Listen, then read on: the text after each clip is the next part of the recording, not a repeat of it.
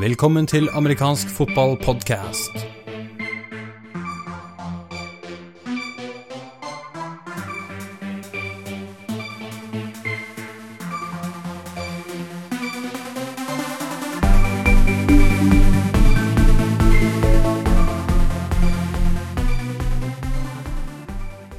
Velkommen til episode syv av amerikansk fotballpodkast. Mitt navn er Jarl Magnus Henriksen, og sammen med Patrick Hamnøy er programleder for dagens sending. Vi har delt inn sendingen i fire perioder, fire quarters. I første periode så skal vi innom noen nye språkkrav som skaper utfordringer for klubber og forbund i norsk-amerikansk fotball.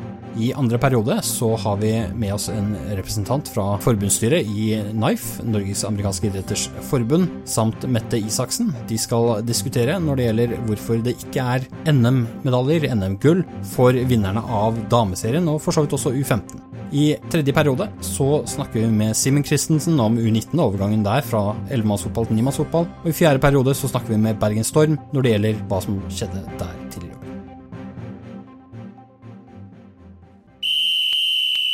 Da er vi klare for første periode av dagens sending.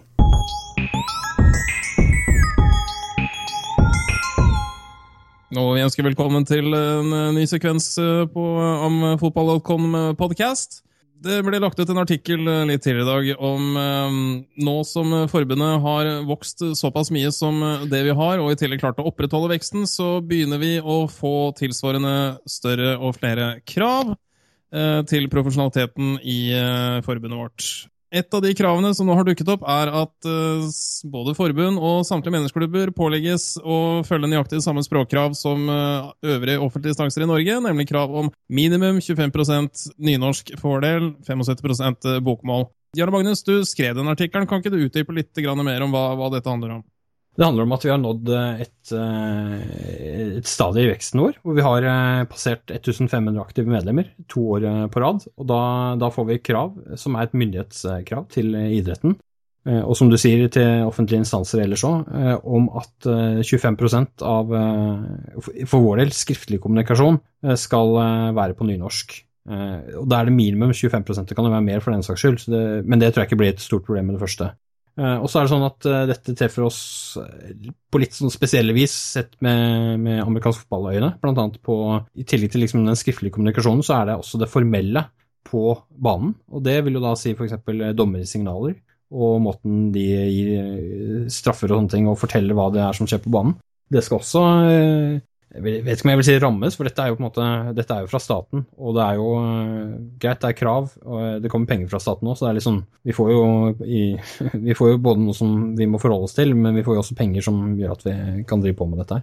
Ja, og meg bekjent også så er dommer- og regelutvalget godt i gang med å formulere mye av de tekniske termene vi har eh, på nynorsk. Men eh, med oss i tillegg til deg, Magnus, så har vi da Morten Midtsund, skribent om fotball.com. Velkommen. Takk skal du ha. Du bruker jo å ha meninger om det aller meste, og det som ikke er det engang. Hva syns du om dette her? Ja, det, hva skal jeg si for deg? Jeg syns det er helt vilt. Det er liksom, Skal bruke penger på nynorsk, liksom. Hva, hva, blir det neste? da? Skal du oversette tailgating til halesteiking, da? Eller hva? Liksom det ja, Nei. Bruk penga på noe annet. Eh, jeg syns det er helt vilt. Og han derre Ahmed Johan Fløgstad, eller hva fankeren er helt for noe, han burde jo hatt et spark bak. Ja, du henviser liksom... da til uh, språkkonsulenten som har ja. uh, fra Kultur- og idrettsdepartementet, som skal være vår kontakt uh, for å kunne gjøre den overgangen lettere. Det er han du henviser til? Ja, altså ser jeg han på noe Ja, det er greit, han gjør en jobb, han gjør det med fankeren, og det er helt vilt. Jeg syns det er eh... Du er inne på det sentrale der, Morten. Han gjør, han gjør bare en jobb. Så... Jo, jo, men altså, det er vanvittig. Det er liksom ikke. Det er vanvittig. Det er liksom, Vi skal bruke penger på dette her. Det ja, men vi, vi, har jo to skriftspråk her i landet. Ja.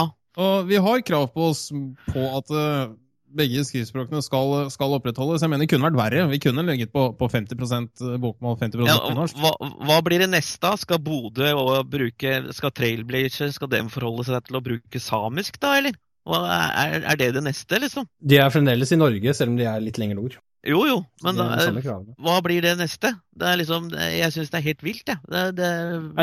Helt ærlig, eh, for dette har jeg sjekket litt opp. Eh, det er ikke noe det neste. Det er denne grensa på 1500 som treffer oss, og det er da vi får dette kravet. Det er liksom, det er vel kanskje enig med deg, Morten, i at det, det er sært, men Eh, Det er sånn det er, eh, og det er et krav som Ja, det kom jo litt som eh, julekvelden på kjerringa fordi eh, vi ikke hadde fulgt nok med i timen, men NIF var jo helt tydelig på dette her, at dette er, er jo noe vi kunne kjent til, og administrasjonen burde ha vært mer oppmerksom på. Resultatet er jo selvfølgelig at eh, fordi de ikke var så oppmerksom på det, så er jo dommer- og regelutvalget ikke helt eh, fornøyd, for de har jo mest jobb her, egentlig, med å oversette til eh, nynorsk. Og som du sier, Patrick, de har jo da kommet godt i, i gang med det. Vi har et par eksempler med i artikkelen på, på det. Det har vi. Kan jo nevne noen eksempler. Altså Det vi nå på engelsk kaller en pass interference, som da på bokmål blir en pasningsinterferens. Det er da på nynorsk en mottakshindring. Eh, og Vi kan vel eh, glede oss til, til flere sånne eksempler etter hvert som de skrider frem. Jeg tviler på at de rekker å bli ferdig til sesongen nå. Det er vel ment å være ferdig til 2017. Ja, men de, de må benytte det der de kan. Hvis ikke, altså, han, Ahmed Johan Fløgstad kommer jo til å være rundt eh, og følge med på dette her. Eh, eller jeg tror jeg skrev det, at han kommer til å være på 25% av de 25% av kampene som rammes av dette her. Akkurat det med mottakshindring er på en måte noe av det, noe av det bedre her, for det er jo bedre enn pasningsinterferens. Hvor riksmål høres ikke det ut, det er litt i overkant. Men eh, og, og fumble, som, som vi er vant til å si, det jo, har jo dommerne for lenge siden oversatt til en fommel. Ja, for Jeg tror egentlig ikke overgangen blir noe særlig bråere. for Det var jo ganske mange som, som, som eller hva skal jeg si, av vi som har holdt på en stund, som eh, ja, kniste i skjegget eh, når vi først begynte med disse norske oversettelsene. altså En fumble er en fumble. Nei, det er en fommel.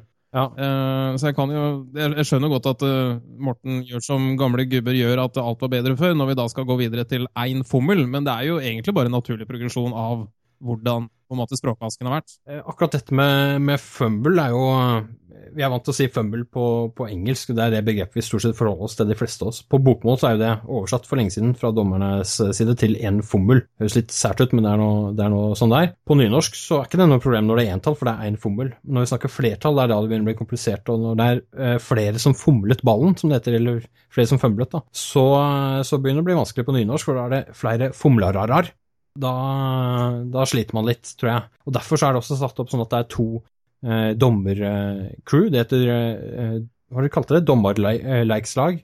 Eh, som er satt opp for å, for å dømme de kampene som skal dømmes på nynorsk. For det er jo da Det er ikke alle kampene, det er 25% av dem. 25% av de 25% Nei, det var det han skulle se. Nei. Ja, sorry. Nei, det er, det er 25, eh, 25 av kampene Ja.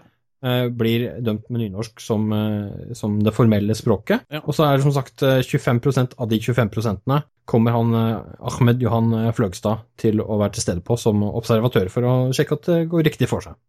Et spørsmål som jeg har til deg der. Hvis dette her ikke går riktig for seg, hva skjer da? Får vi, får vi bot da, eller?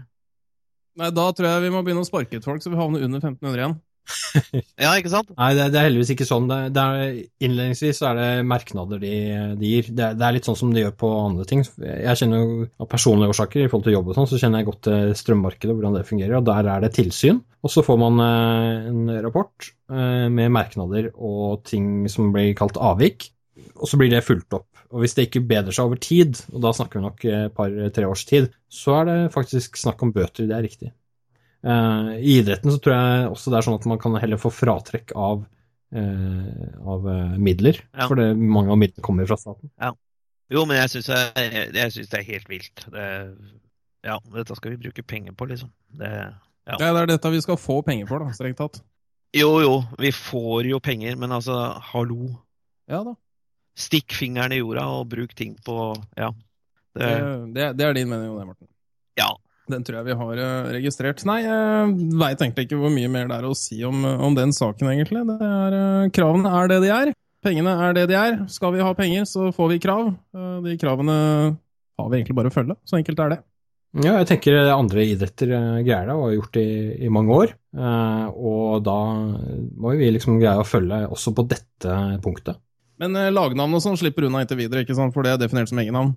Det er det. Så det, vi slipper unna på en del ting der, men det er en del websider blant annet som man må, må ta hensyn eh, til. Altså man må, man må legge opp de på en måte som tar hensyn til dette her. Eh, vi er heldige, da, for vi er på en måte utenfor alt dette her. Vi er ikke noe del av noe idrettsforbund eller noen ting, så for vår del og vår webside så kan vi drive på som vanlig. Så vi slipper å skrive fummel òg, vi kan skrive fumble. Ja, og det syns jeg vi skal gjøre, så, så langt det lar seg gjøre, egentlig.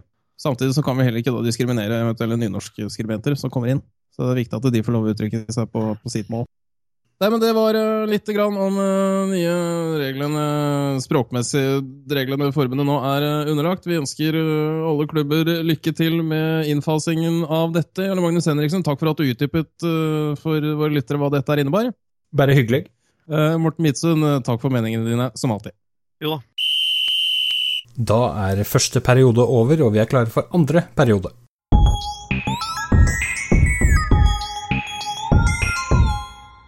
Jeg sitter her med Harald Kruhaug, som er ungdomsrepresentant i forbundsstyret i Norges amerikanske idretters forbund, og eh, Mette Isaksen, du er eh, skribent for Am Fotball, damespiller, og i tillegg så har du nå på onsdag skrevet en eh, debattsak om dette med norgesmesterskap, og hvorfor det ikke er det på dameidretten, eller damefotball, dameserien.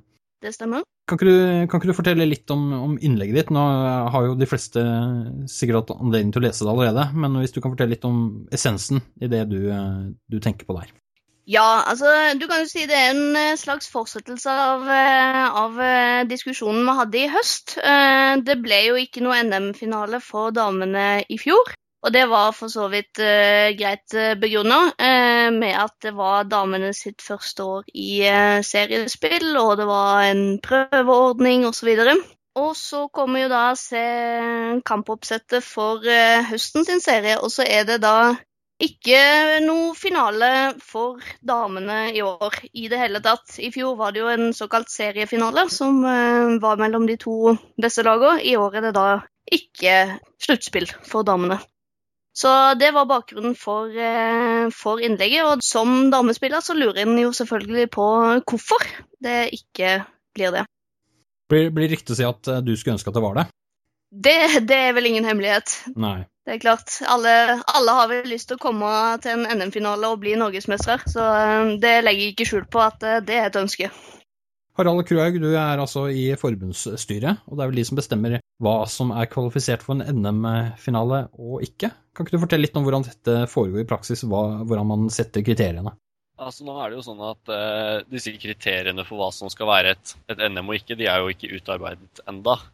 Planen for det er vel at det skal utarbeides nå i, i løpet av første halvdel av uh, 2016. Uh, men vi venter på at det nye, nye forbundsstyret skal eh, velges inn da på tinget. Men eh, slik det fungerer i praksis, er jo at eh, hver, eh, altså mot slutten av hvert år så er det de forskjellige seksjonslederne for de fire idrettene som fremmer forslag til forbundsstyret hvilke, hvilke arrangementer de vil skal få NM-status i det kommende året. Og da er det jo da, For, for amerikansk fotballs del så er det jo da Øyvind Rein som er seksjonsleder, som da fremmer til forbundsstyret hvilke, hvilke arrangementer han ønsker skal, skal kalles NM. Ja, han eller, eller seksjonen uh, er vel nøkkelen her. Mm. De har da altså tydeligvis, uh, hvis vi ser på serieoppsettene, for nå har vi egentlig alle, vi har både for våren og for høsten, mm. så er det altså et eh, NM for senior, som det har vært i mange, mange år, 30 år. Og vi har på U19, som det også har vært for i mm, ja, 21 år. 22 år. og så har vi da U17. Mm. Riktig? Det stemmer nok, det. Det vil si at vi kunne fått en søknad til forbundsstyret som også hadde med andre eh, nivåer, men det har altså ikke kommet. Er det også korrekt? Eh, ja, det stemmer det. det alle, fra alle idrettene i fjor så ble alle søknadene godkjent. Så eh, de søknadene som ble fremmet, de ble godkjent. Ja. Når man begynte med, med seniorfotball, eller siden man begynte med, med, det som i dag er forbundet vårt, så hadde vi ikke noen sånne kriterier, tydeligvis. For det du sier at de kriteriene de utarbeides nå. Mm. Og så har det gått 30 år, da, hvor man har greid å ha et NM. Men ikke hatt eh, selvfølgelig noen dameserie før i fjor. Hva tenker du om, om det, Mette? Det, opplever du det som urettferdig behandling? Ja, eh, jeg, jeg, kan vel si det sånn. Jeg, jeg, kan forstå at det ikke var noe NM første året, eh, men jeg, jeg, ser liksom ikke noen god begrunnelse for at det ikke skal være NM i år og året framover. Altså, jeg ser jeg ser egentlig bare positive ting med å ha et NM altså så lenge det er det øverste nivået på sitt segment. da. Så jeg klarer liksom ikke å se de negative sidene med det, eller at det skulle bli så forferdelig utvanna hvis en har NM for, eh, for, damer, og for så vidt òg for U15. Eh, så det er det jeg sliter litt med å forstå. Eh, hvorfor forbundet velger å ikke ha NM. Vi kan jo tenke oss at man sitter og venter litt på disse kriteriene som, som du Harald sier at er under, utarbeidelse. Finnes det noen negative sider med å ha et NM? Det, hva, hva, bør kriteriene være? Hva, hva, tenker du rundt det? Altså, jeg, tror, jeg tror ingen er uenige om at uh, vi skal ha et NM i, i, damefotball. Det det eneste det handler om her, er jo når, uh, eller fra når det skal, skal være tilfellet. Altså, Forbundsstyret har jo begynt å arbeide med disse kriteriene, og det har jo blitt luftet ut i idretten at vi ønsker at for at et arrangement skal få ha NM-status, så skal det være noe, en viss form for volum, med minimum antall deltakende lag eller utøvere. Og så vil vi at det skal gjerne ha holdt på noen år eller at det skal ha en eksepsjonell høy kvalitet. Så selv om, selv om, kriteriene ikke er satt ennå, så har det blitt luftet ut da til idrettene, og at de skal liksom tenke over det når de, når de, skulle utarbeide sine søknader for året. Da. Eh, og da handler det litt om at det har vært, det har vært veldig mange NM-er i, i, i, vårt forbund. Og selv om det kanskje ikke nødvendigvis har vært så mange i amerikansk fotball, så har de, de andre idrettene har hatt ganske mange forskjellige eh, NM-arrangement. Så jeg tror disse kriteriene kommer nok ikke hovedsakelig pga. amerikansk fotball, men det er jo også et ønske at man skal få en samkjøring i hva som faktisk skal kreves da, for at et arrangement skal få NM-status. Er ikke det fryktelig vanskelig, på tvers av så forskjellige idretter? Eh, det er veldig veldig vanskelig, og det er jo derfor de kriteriene også blir såpass eh, generelle. da. Eh, og de eneste tingene vi har klart å, å finne ut at vi må arbeide ut ifra, er dette med med et minimumsantall deltakere eller lag og et, et tidsaspekt eller kvalitet. Ja, så i individuelle øvelser, hvis det skulle vært det, da, vi har litt av det i amerikansk fotball, så vil det være antallet utøvere. Ja. Mens det for en lagidrett, som vi heldigvis er, mm. så vil det være antall lag i den øverste serien, er det riktig å si da, eller? ja. Um, og så har vi jo vi har jo ikke, som, som, vi har jo ikke bestemt ennå, som nevnt, eh, hva dette volumet skal være. Men jeg tror, jeg tror, vi er enige om at det som var i, i, dameserien i fjor, som var, og for så vidt i år, fire lag, er at det er litt lite. At vi ønsker at det skal være et litt større volum før et arrangement skal, skal være NM-status. Mette, noe du vil legge til? Noe du tenker? Ja, altså Jeg, jeg, jeg syns det er vanskelig å diskutere de her kriteriene før de er satt, så det, det bør vi vel kanskje bare droppe. Men uh, det her med minimums antall lag, hvordan vil det da bli praktisert hvis, uh, hvis nå U19 eller U17 eller hva som helst går under den terskelen igjen? Vil en da veksle mellom å ha NM og ikke-NM på de åra som er Eh, for få lag, da. Vil en eh, ha en NM-status så fort at eh, en har kommet opp i det antallet, selv om det da synker under det neste år? Altså det, mm. det, er også et veldig godt spørsmål som jeg regner med blir, blir en, en, viktig del av det når vi går gjennom det. For det er jo, det er jo ikke bare våre idretter som opplever sånn som det i bølger. Og vi må ikke lenger tilbake enn i, i fjor, hvor det faktisk bare var fire lag som, som fullførte U19-serien.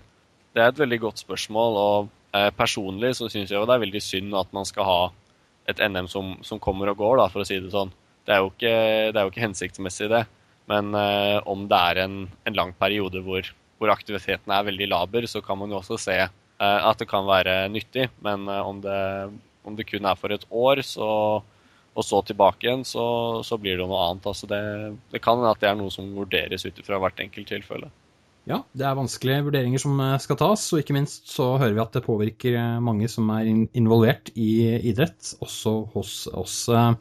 Eh, Mette og Harald, jeg vil si tusen takk for at dere stilte opp. Andre periode er over, vi er klare for tredje periode.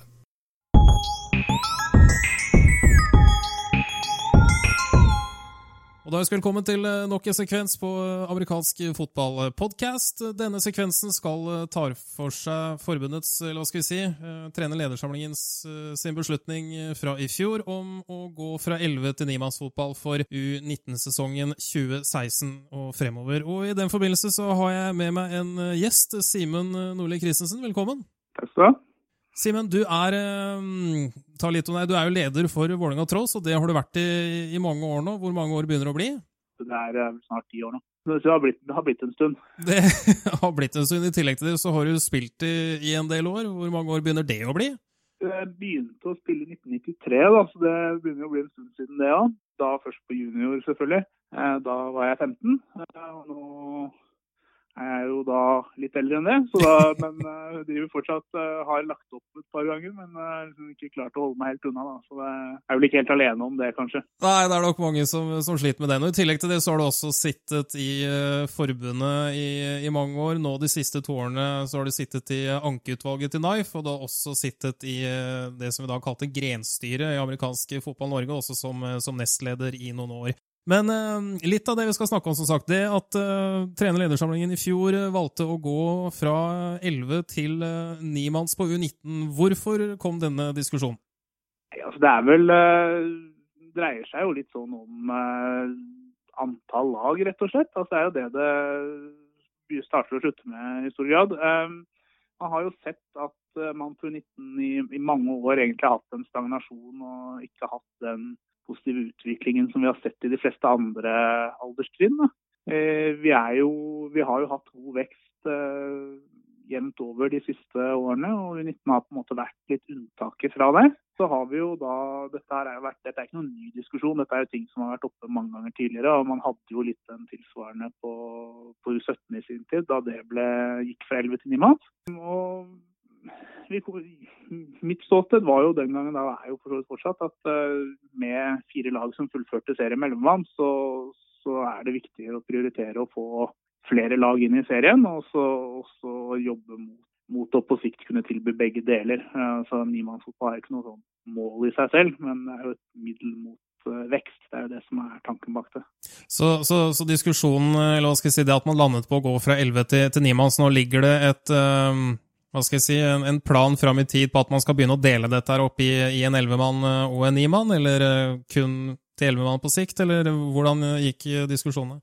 Jeg tror ikke det er landet noe sånn veldig, altså noen full enighet om det. Eh, min posisjon, altså hva jeg mener, er jo ganske greit. Jeg, jeg mener jo at vi bør tilby vi bør strebe etter å tilby begge deler. altså vi bør strebe på, Det mener jeg er uavhengig av nivået. Du bør ha ellevemannsfotball og nimannsfotball på, på hvert fall, ja, man kan jo, Kommer man veldig langt ned i alder, av type 15-13, så kan man diskutere om det er et poeng i seg selv å ha færre spillere på banen uansett. Men, men i utgangspunktet så mener jeg at vi bør streve mot å spille ellevemannsfotball. Uh, utfordringen med det er at vi ser at nimannsfotball funker når det gjelder å få flere lag opp og i gang og da, det, da, da, mener jeg at hvis man har, hvis man har fire lag som klarer å spille ellemannsfotball, så, så må man, da må man gjøre noe litt drastisk for å få det opp. Og det, det gjorde man jo på en måte nå. Jeg er enig til dels i at det kan være et uh, skritt tilbake, f.eks. Altså at, uh, at, man, at man ideelt sett skulle spilt ellevemannsfotball, det, det er jeg ikke uenig i. Men, men uh, inntil man da har si en ti-tolv lag som deltar i 19-serien, så mener jeg faktisk at man bør prioritere å få flere lag inn. Hvis du trekker noen paralleller, da. Vi, vi, så jo det at å, gå fra 11 til 9-manns uh, på U17 i sin tid har uh, gitt en, uh, i hvert fall nå noen år etter, tilsynelatende positiv og vedvarende effekt. Men samtidig så, så, er jeg ikke helt sikker på om, om sammenligningen kan være så umiddelbart i forbindelse med eller hva skal jeg si, Eh, U19 så risikerer du da å møte på spillere som allerede har deltatt på toppnivå på seniorfotballen i, eh, i flere år. Det har du ikke på U17 på samme måte. Ville det kanskje ikke da vært hensiktsmessig å heller samle de mer etablerte lagene som kanskje har en del uh, U19-spillere som har spilt seniorfotball på elitenivå i en egen serie, også de, skal vi si, alle andre i en, i en egen nimanns der? Det, det kan godt være at det på sikt er en del av løsningen. Jeg tror nå, umiddelbart nå, så, så er det rett og slett ikke nok lag eh, man måtte gjøre det. Altså det var i 19-sesongen i fjor så var det jo egentlig bare to lag som, som var konkurransedyktige. Det var jo da to lag med en god del spillere med erfaring og, og Kanskje ikke først og fremst fra seniornivå, litt det, men, men mye det at jeg har også erfaring fra U17 og U15 og sant, spillere som har spilt i mange år opp mot andre U19-lag som, som, har mer ferske spillere, da, som har lite spillerfaring. Men altså, som sagt, på sikt så, så mener jeg at man bør, bør, jobbe for å ha begge deler. Og, men da, det krever at man er en del flere lag enn det som har vært nå. Eh, nå er det påmeldt åtte lag er det vel til U19 til høsten. Hvis alle de fullfører, så er det et veldig bra skritt i riktig retning. Jeg eh, mener nok at man bør være i hvert fall ti, kanskje helst tolv, for at en sånn deling i to nivåer eh, vil funke bra. Hvis ikke så blir det veldig sårbart for at lag trekker seg, og sånn som vi jo dessverre vet er en, er en realitet vi ofte må forholde oss til. Ja, Det har vi for så vidt sett på, på U17, som har jo vært eh, både 10 og 11 lag eh, påmeldt. Men det har ikke vært eh, foregått noen, noen, deling der. altså For å ta diskusjonen litt over på U17, tror du det kommer noen gang? Hvis jeg ber deg om å spekulere litt? Jeg eh, tror at i det øyeblikket det er eh, mange nok lag, så, så, tror jeg diskusjonen kommer, i hvert fall. Eh, jeg syns jo kanskje det er i og med at man nå har gått ned til nimanns på 19, så syns jeg man bør se det litt i sammenheng. Jeg tror det ville vært, det ville vært ganske unaturlig å spille 11-manns på 17 og ikke ha det på 19. Og da er man kanskje avhengig av at man har, en, har klarer å få på plass en vekst eh, også på nivået over. Vi kan si at kanskje du har 14 U17-lag en gang om noen år. da. Eh, men så har du fortsatt eh, 8-9 U19-lag. Så blir det vanskelig å kjøre delingen på U19. ikke sant? Så, så det, er sånn, det, er en, det, er jo en, del hensyn å ta der, men, men det er klart i det øyeblikket det blir mange nok lag til at, eh, til at det er gjennomførbart, at man har gode serier da både med 11 og 9 manns, eh, klart i det øyeblikket man er i den situasjonen, så tror jeg nok diskusjonen kommer opp. Det, det tror jeg nok. Så jeg tror det er ganske stor vilje til å spille 11-mannsfotball der ute, særlig blant de mer etablerte klubbene. Det, det, tror jeg òg, men det tror jeg egentlig bare tiden får vise. Hvis eh, du som hører på dette her har kommentarer eh, for og mot eh, beslutningen å gå fra 11 til 9 manns på U19, så legg gjerne en kommentar i kommentarfeltet. Siste spørsmål til deg, Simen. Skal du spille i år? Ja, jeg skal det. Så det blir, det blir spilling. og nå har jeg ikke... I fjor så spilte jeg jo i utgangspunktet kun andrelaget, og så ble det, ble det et innhopp i siste førstelagskamp også hvor jeg endte opp med å spille det meste av kampen. Og så har jeg ikke, har jeg ikke sagt så mye annet at jeg spiller, og så får vi bare se hvordan det går. Jeg, jeg, håper, jeg håper, jo at, uh, håper, jo at, tida skal ta meg igjen litt, og at, uh, at det er andre som, uh, som stepper opp etter hvert. Men det er vel sjanse for at jeg spiller en del i år òg, kanskje. Ja, men vet du hva, Da ønsker jeg deg lykke til, og så ses vi i løpet av våren. Det gjør vi nok. Ha det bra. Ok, ha det bra. Tredje periode er over, vi er klare for fjerde og siste periode.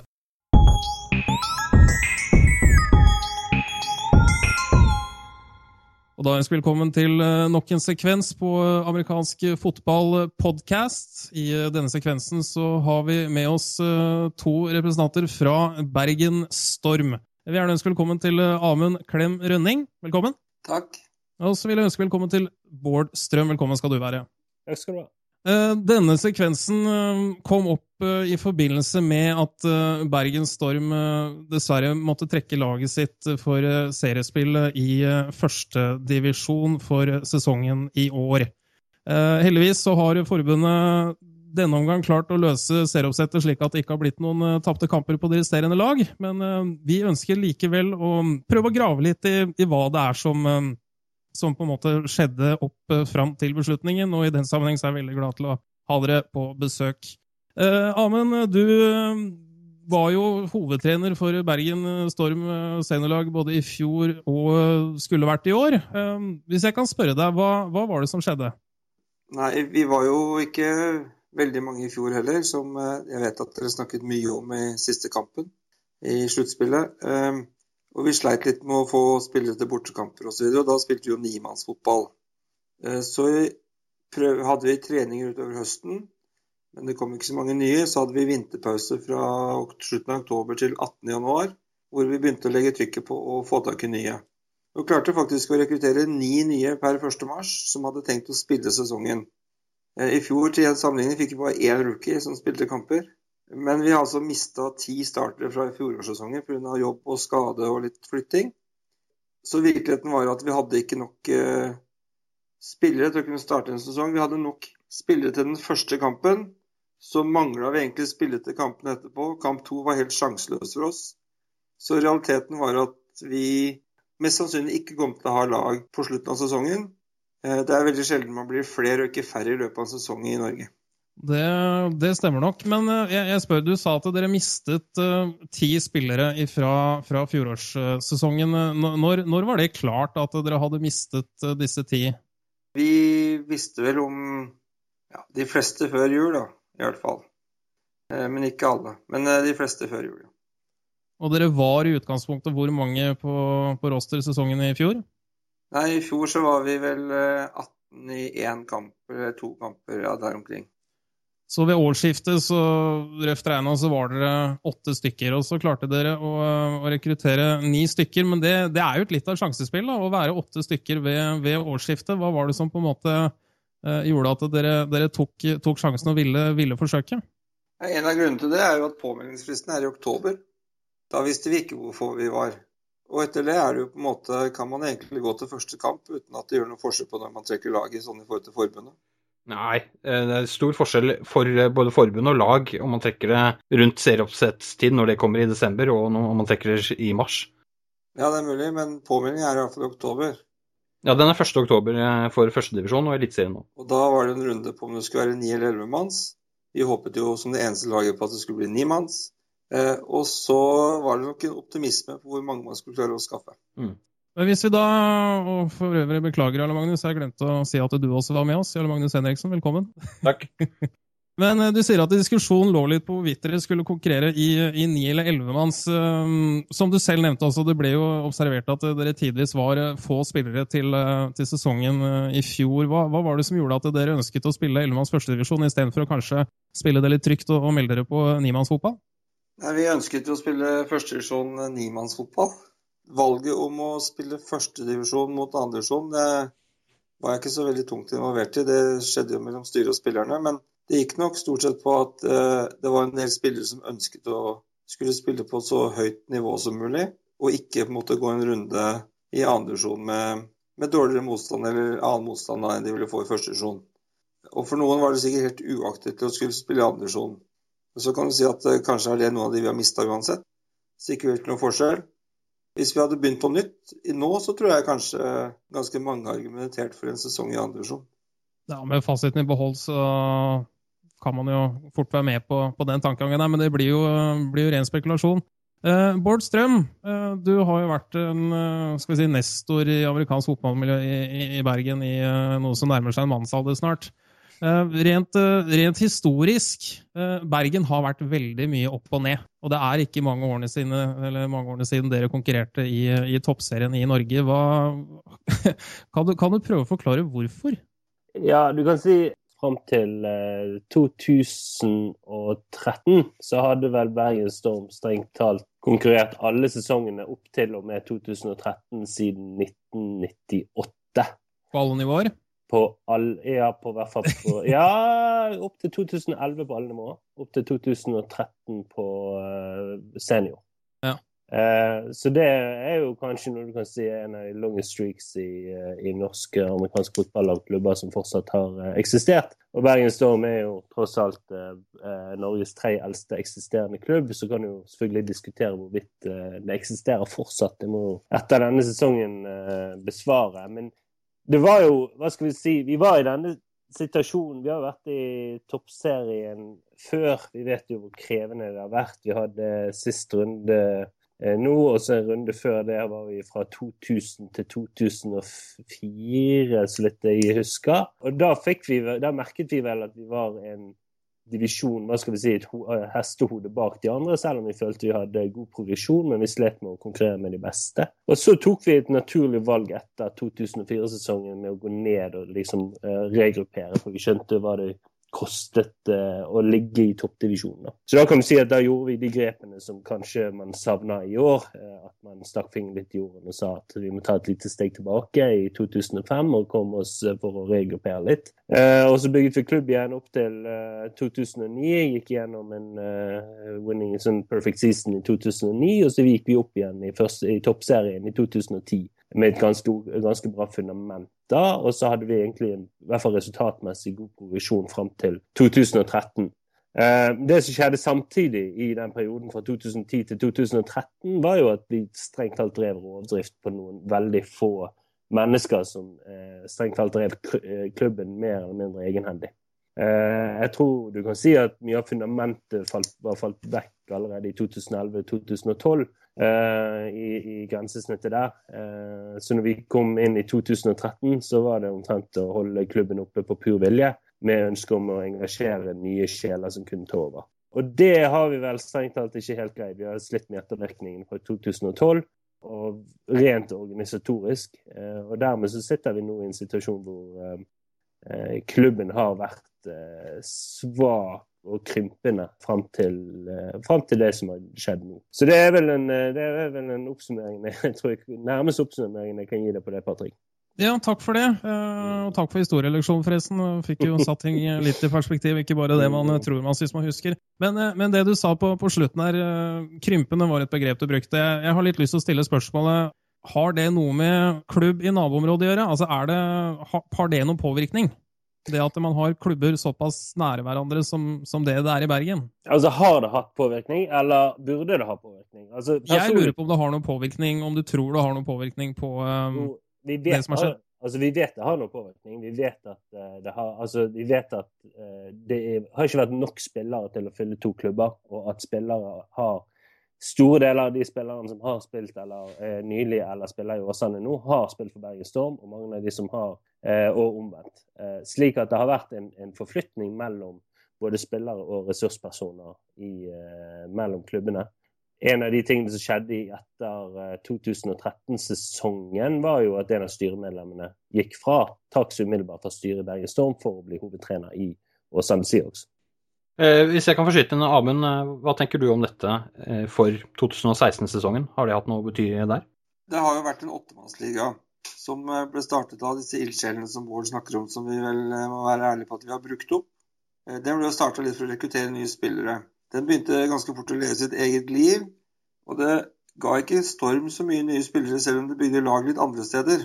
Os osv. Mange av de har da gått til Åsane etterpå. Så grunnen til at vi nå ikke ville ha åttemannsserie i Storm i høst, var for å holde Storm samla, i stedet for å begynne å spre det og dele det opp i mindre lag. Vi ønsket å bygge ett lag. Så inviterte vi de andre lagene på Vestlandet til å skulle spille noen treningskamper eller scrimmers eller lignende, for å på en måte ha noe å trene for i høst. Men den her eh, glidningen åttemannsfotballen ga, var veldig positivt å begynne med. Det kom mange spillere. Men det bygde på en måte ikke Bergen Storm som seniorlag. Det var ganske mange etter hvert som ville spille høstfotball, ikke vårfotball. De ville spille i Bergen, ikke reise, f.eks. Det var, vel, eh, det var vel litt av det vi, vi observerte litt fra sidelinjen gjennom noen år også, eh, dessverre. Men hvis vi skal prøve å tenke litt framover, da, da kan jeg begynne med deg, Amund. Altså, hva veien videre for, for Storm nå? Altså, jeg vet for i år så er det en god del spillere som har meldt overgang til Åsane og kommer til å delta i serie for, for Åsane. Men har man begynt å se på noe, hva, som, hva, som, skjer videre etter sesongen nå? Ja, jeg kan godt kanskje si litt om akkurat hva som skjedde rett før vi trakk laget. Jeg la inn ganske tidlig eventer på Facebook på gruppa vår for å kunne telle spillere til kampene, da jeg jo ikke, ikke så et fullt lag på trening heller. Sånn at vi har mast ganske mye på at folk skal finne tid, melde på kampene, så vi skal kunne telle folk. Så var virkeligheten begynt å nærme seg overgangsgrensa. Sånn at vi må enten må vi si fra nå, og så må de som vil spille et annet sted, gjøre det. Eller så må vi satse på at det går. Eller så må vi på en måte prøve å flytte de verste kampene og håpe at vi kommer igjen på et lag. Eller, ikke spille i det hele tatt. Ingenting tyder på at forbundet syntes det var greit at vi sa fra etter første kampen, og så fikk folk bytte lag. Og så var det da, i den sammenhengen, så ble det ganske mange som da ønsket å spille. Men å beholde et sånn storm hva skal jeg si, stormmiljø, da, selv om vi nå spiller for Åsane. Og når den runden var ferdig, så ble jeg også med som en av trenerne i Åsane. Og tanken nå til de spillerne er i hvert fall at de spiller i Åsane denne sesongen. Og at de skal være grunnstammen for et Bergen Storm fra sommeren igjen av. Og Så får vi se hvordan det går, men det er i hvert fall tanken akkurat nå. Det tror jeg vi, vi, håper alle sammen, at Bergen Storm eh, kommer eh, tilbake igjen som eh, en, en stabil klubb som vi har kjent gjennom tidligere år. Bård, har du noe å legge til for det er veien videre? Kjapt? Ja, jeg vil, for det første si at det er veldig positivt at sant, du spurte hva det har å si med to klubber i Bergen. Er veldig positivt å ha en klubb i Bergen da, eh, som kan gi et aktivitetstilbud, når Bergen Storm selv ikke kan stille lag. Noe som er veldig trist at de ikke kan gjøre. Når det gjelder veien fremover, så må man heller ikke glemme at Bergen Storm gjennom over 20 år har jo etablert en ganske omfattende infra, altså, eh, hva skal si, infrastruktur, eh, miljø, for å kunne drive amerikansk fotball i Bergen. Altså, du har bane, du har utstyrsrom, du har utstyr, du har goalpost, du har baller og banemerking, og, og vi har inntekter fra fra grasrotandelen, og vi har eh, Altså, vi har et maskineri som går der. Mm. Så du kan si at alt ligger til rette for å ha en ganske OK produktiv fotballklubb i, i Bergen Storm fra første sekund av. Altså en slags infrastruktur som vil kreve mange andre nye klubber mange år å bygge opp. bare i utstyr og bare i banetilgang osv. Det det mangler, er ressurspersoner som kan på en måte gripe det litt an og tenke litt eh, fremtidsrettet. Og bygge, hva skal vi si, bygge klubben, eh, bygge klubben litt fornuftig, litt sånn stein på stein eh, fremover, uten at noen sitter utålmodig der og sier jeg vil spille førstedivisjon, jeg vil spille førstedivisjon. For veien, Hvis du gjør dette riktig, så er ikke veien frem så forferdelig lang hvis du bare da tar de riktige grepene med de riktige menneskene, og det, om det er noen der ute som ønsker å bygge klubb og bygge Bergenstorm. Jeg er redd for at jeg er litt for jeg er kommet, eh, hva skal vi si, Det kan ikke lenger være meg og min generasjon som driver det, for å si det sånn. Bare et, eh, før, før vi runder Ja. helt av, eh, så har, eh, så har vi på en måte starten på Vi har starten på et U15-lag, da. Som har en trener og som fortsatt bruker fasilitetene på Varden. Og som Tom Willy Grongan trener, og som Kai Hopland skal være litt med og, og støtte. Og jeg tror, som på en måte vi har sett med de som, vi nå, de som nå gir seg på A-laget, jeg tror nøkkelen til at det skal fungere over tid, er at man har et sted hvor folk kommer til.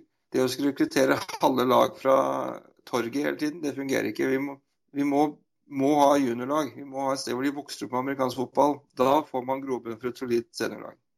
Enig. Sier- takk for det, Jarle Magnus, eh, Bård Strøm og Amund Klem Rønning. Tusen takk for at du ville være med oss. Vi snakkes.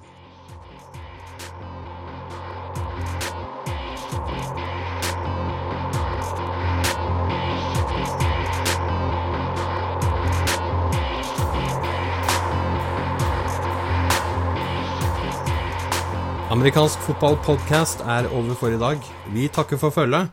Følg gjerne med på amfotball.com, så høres vi snart.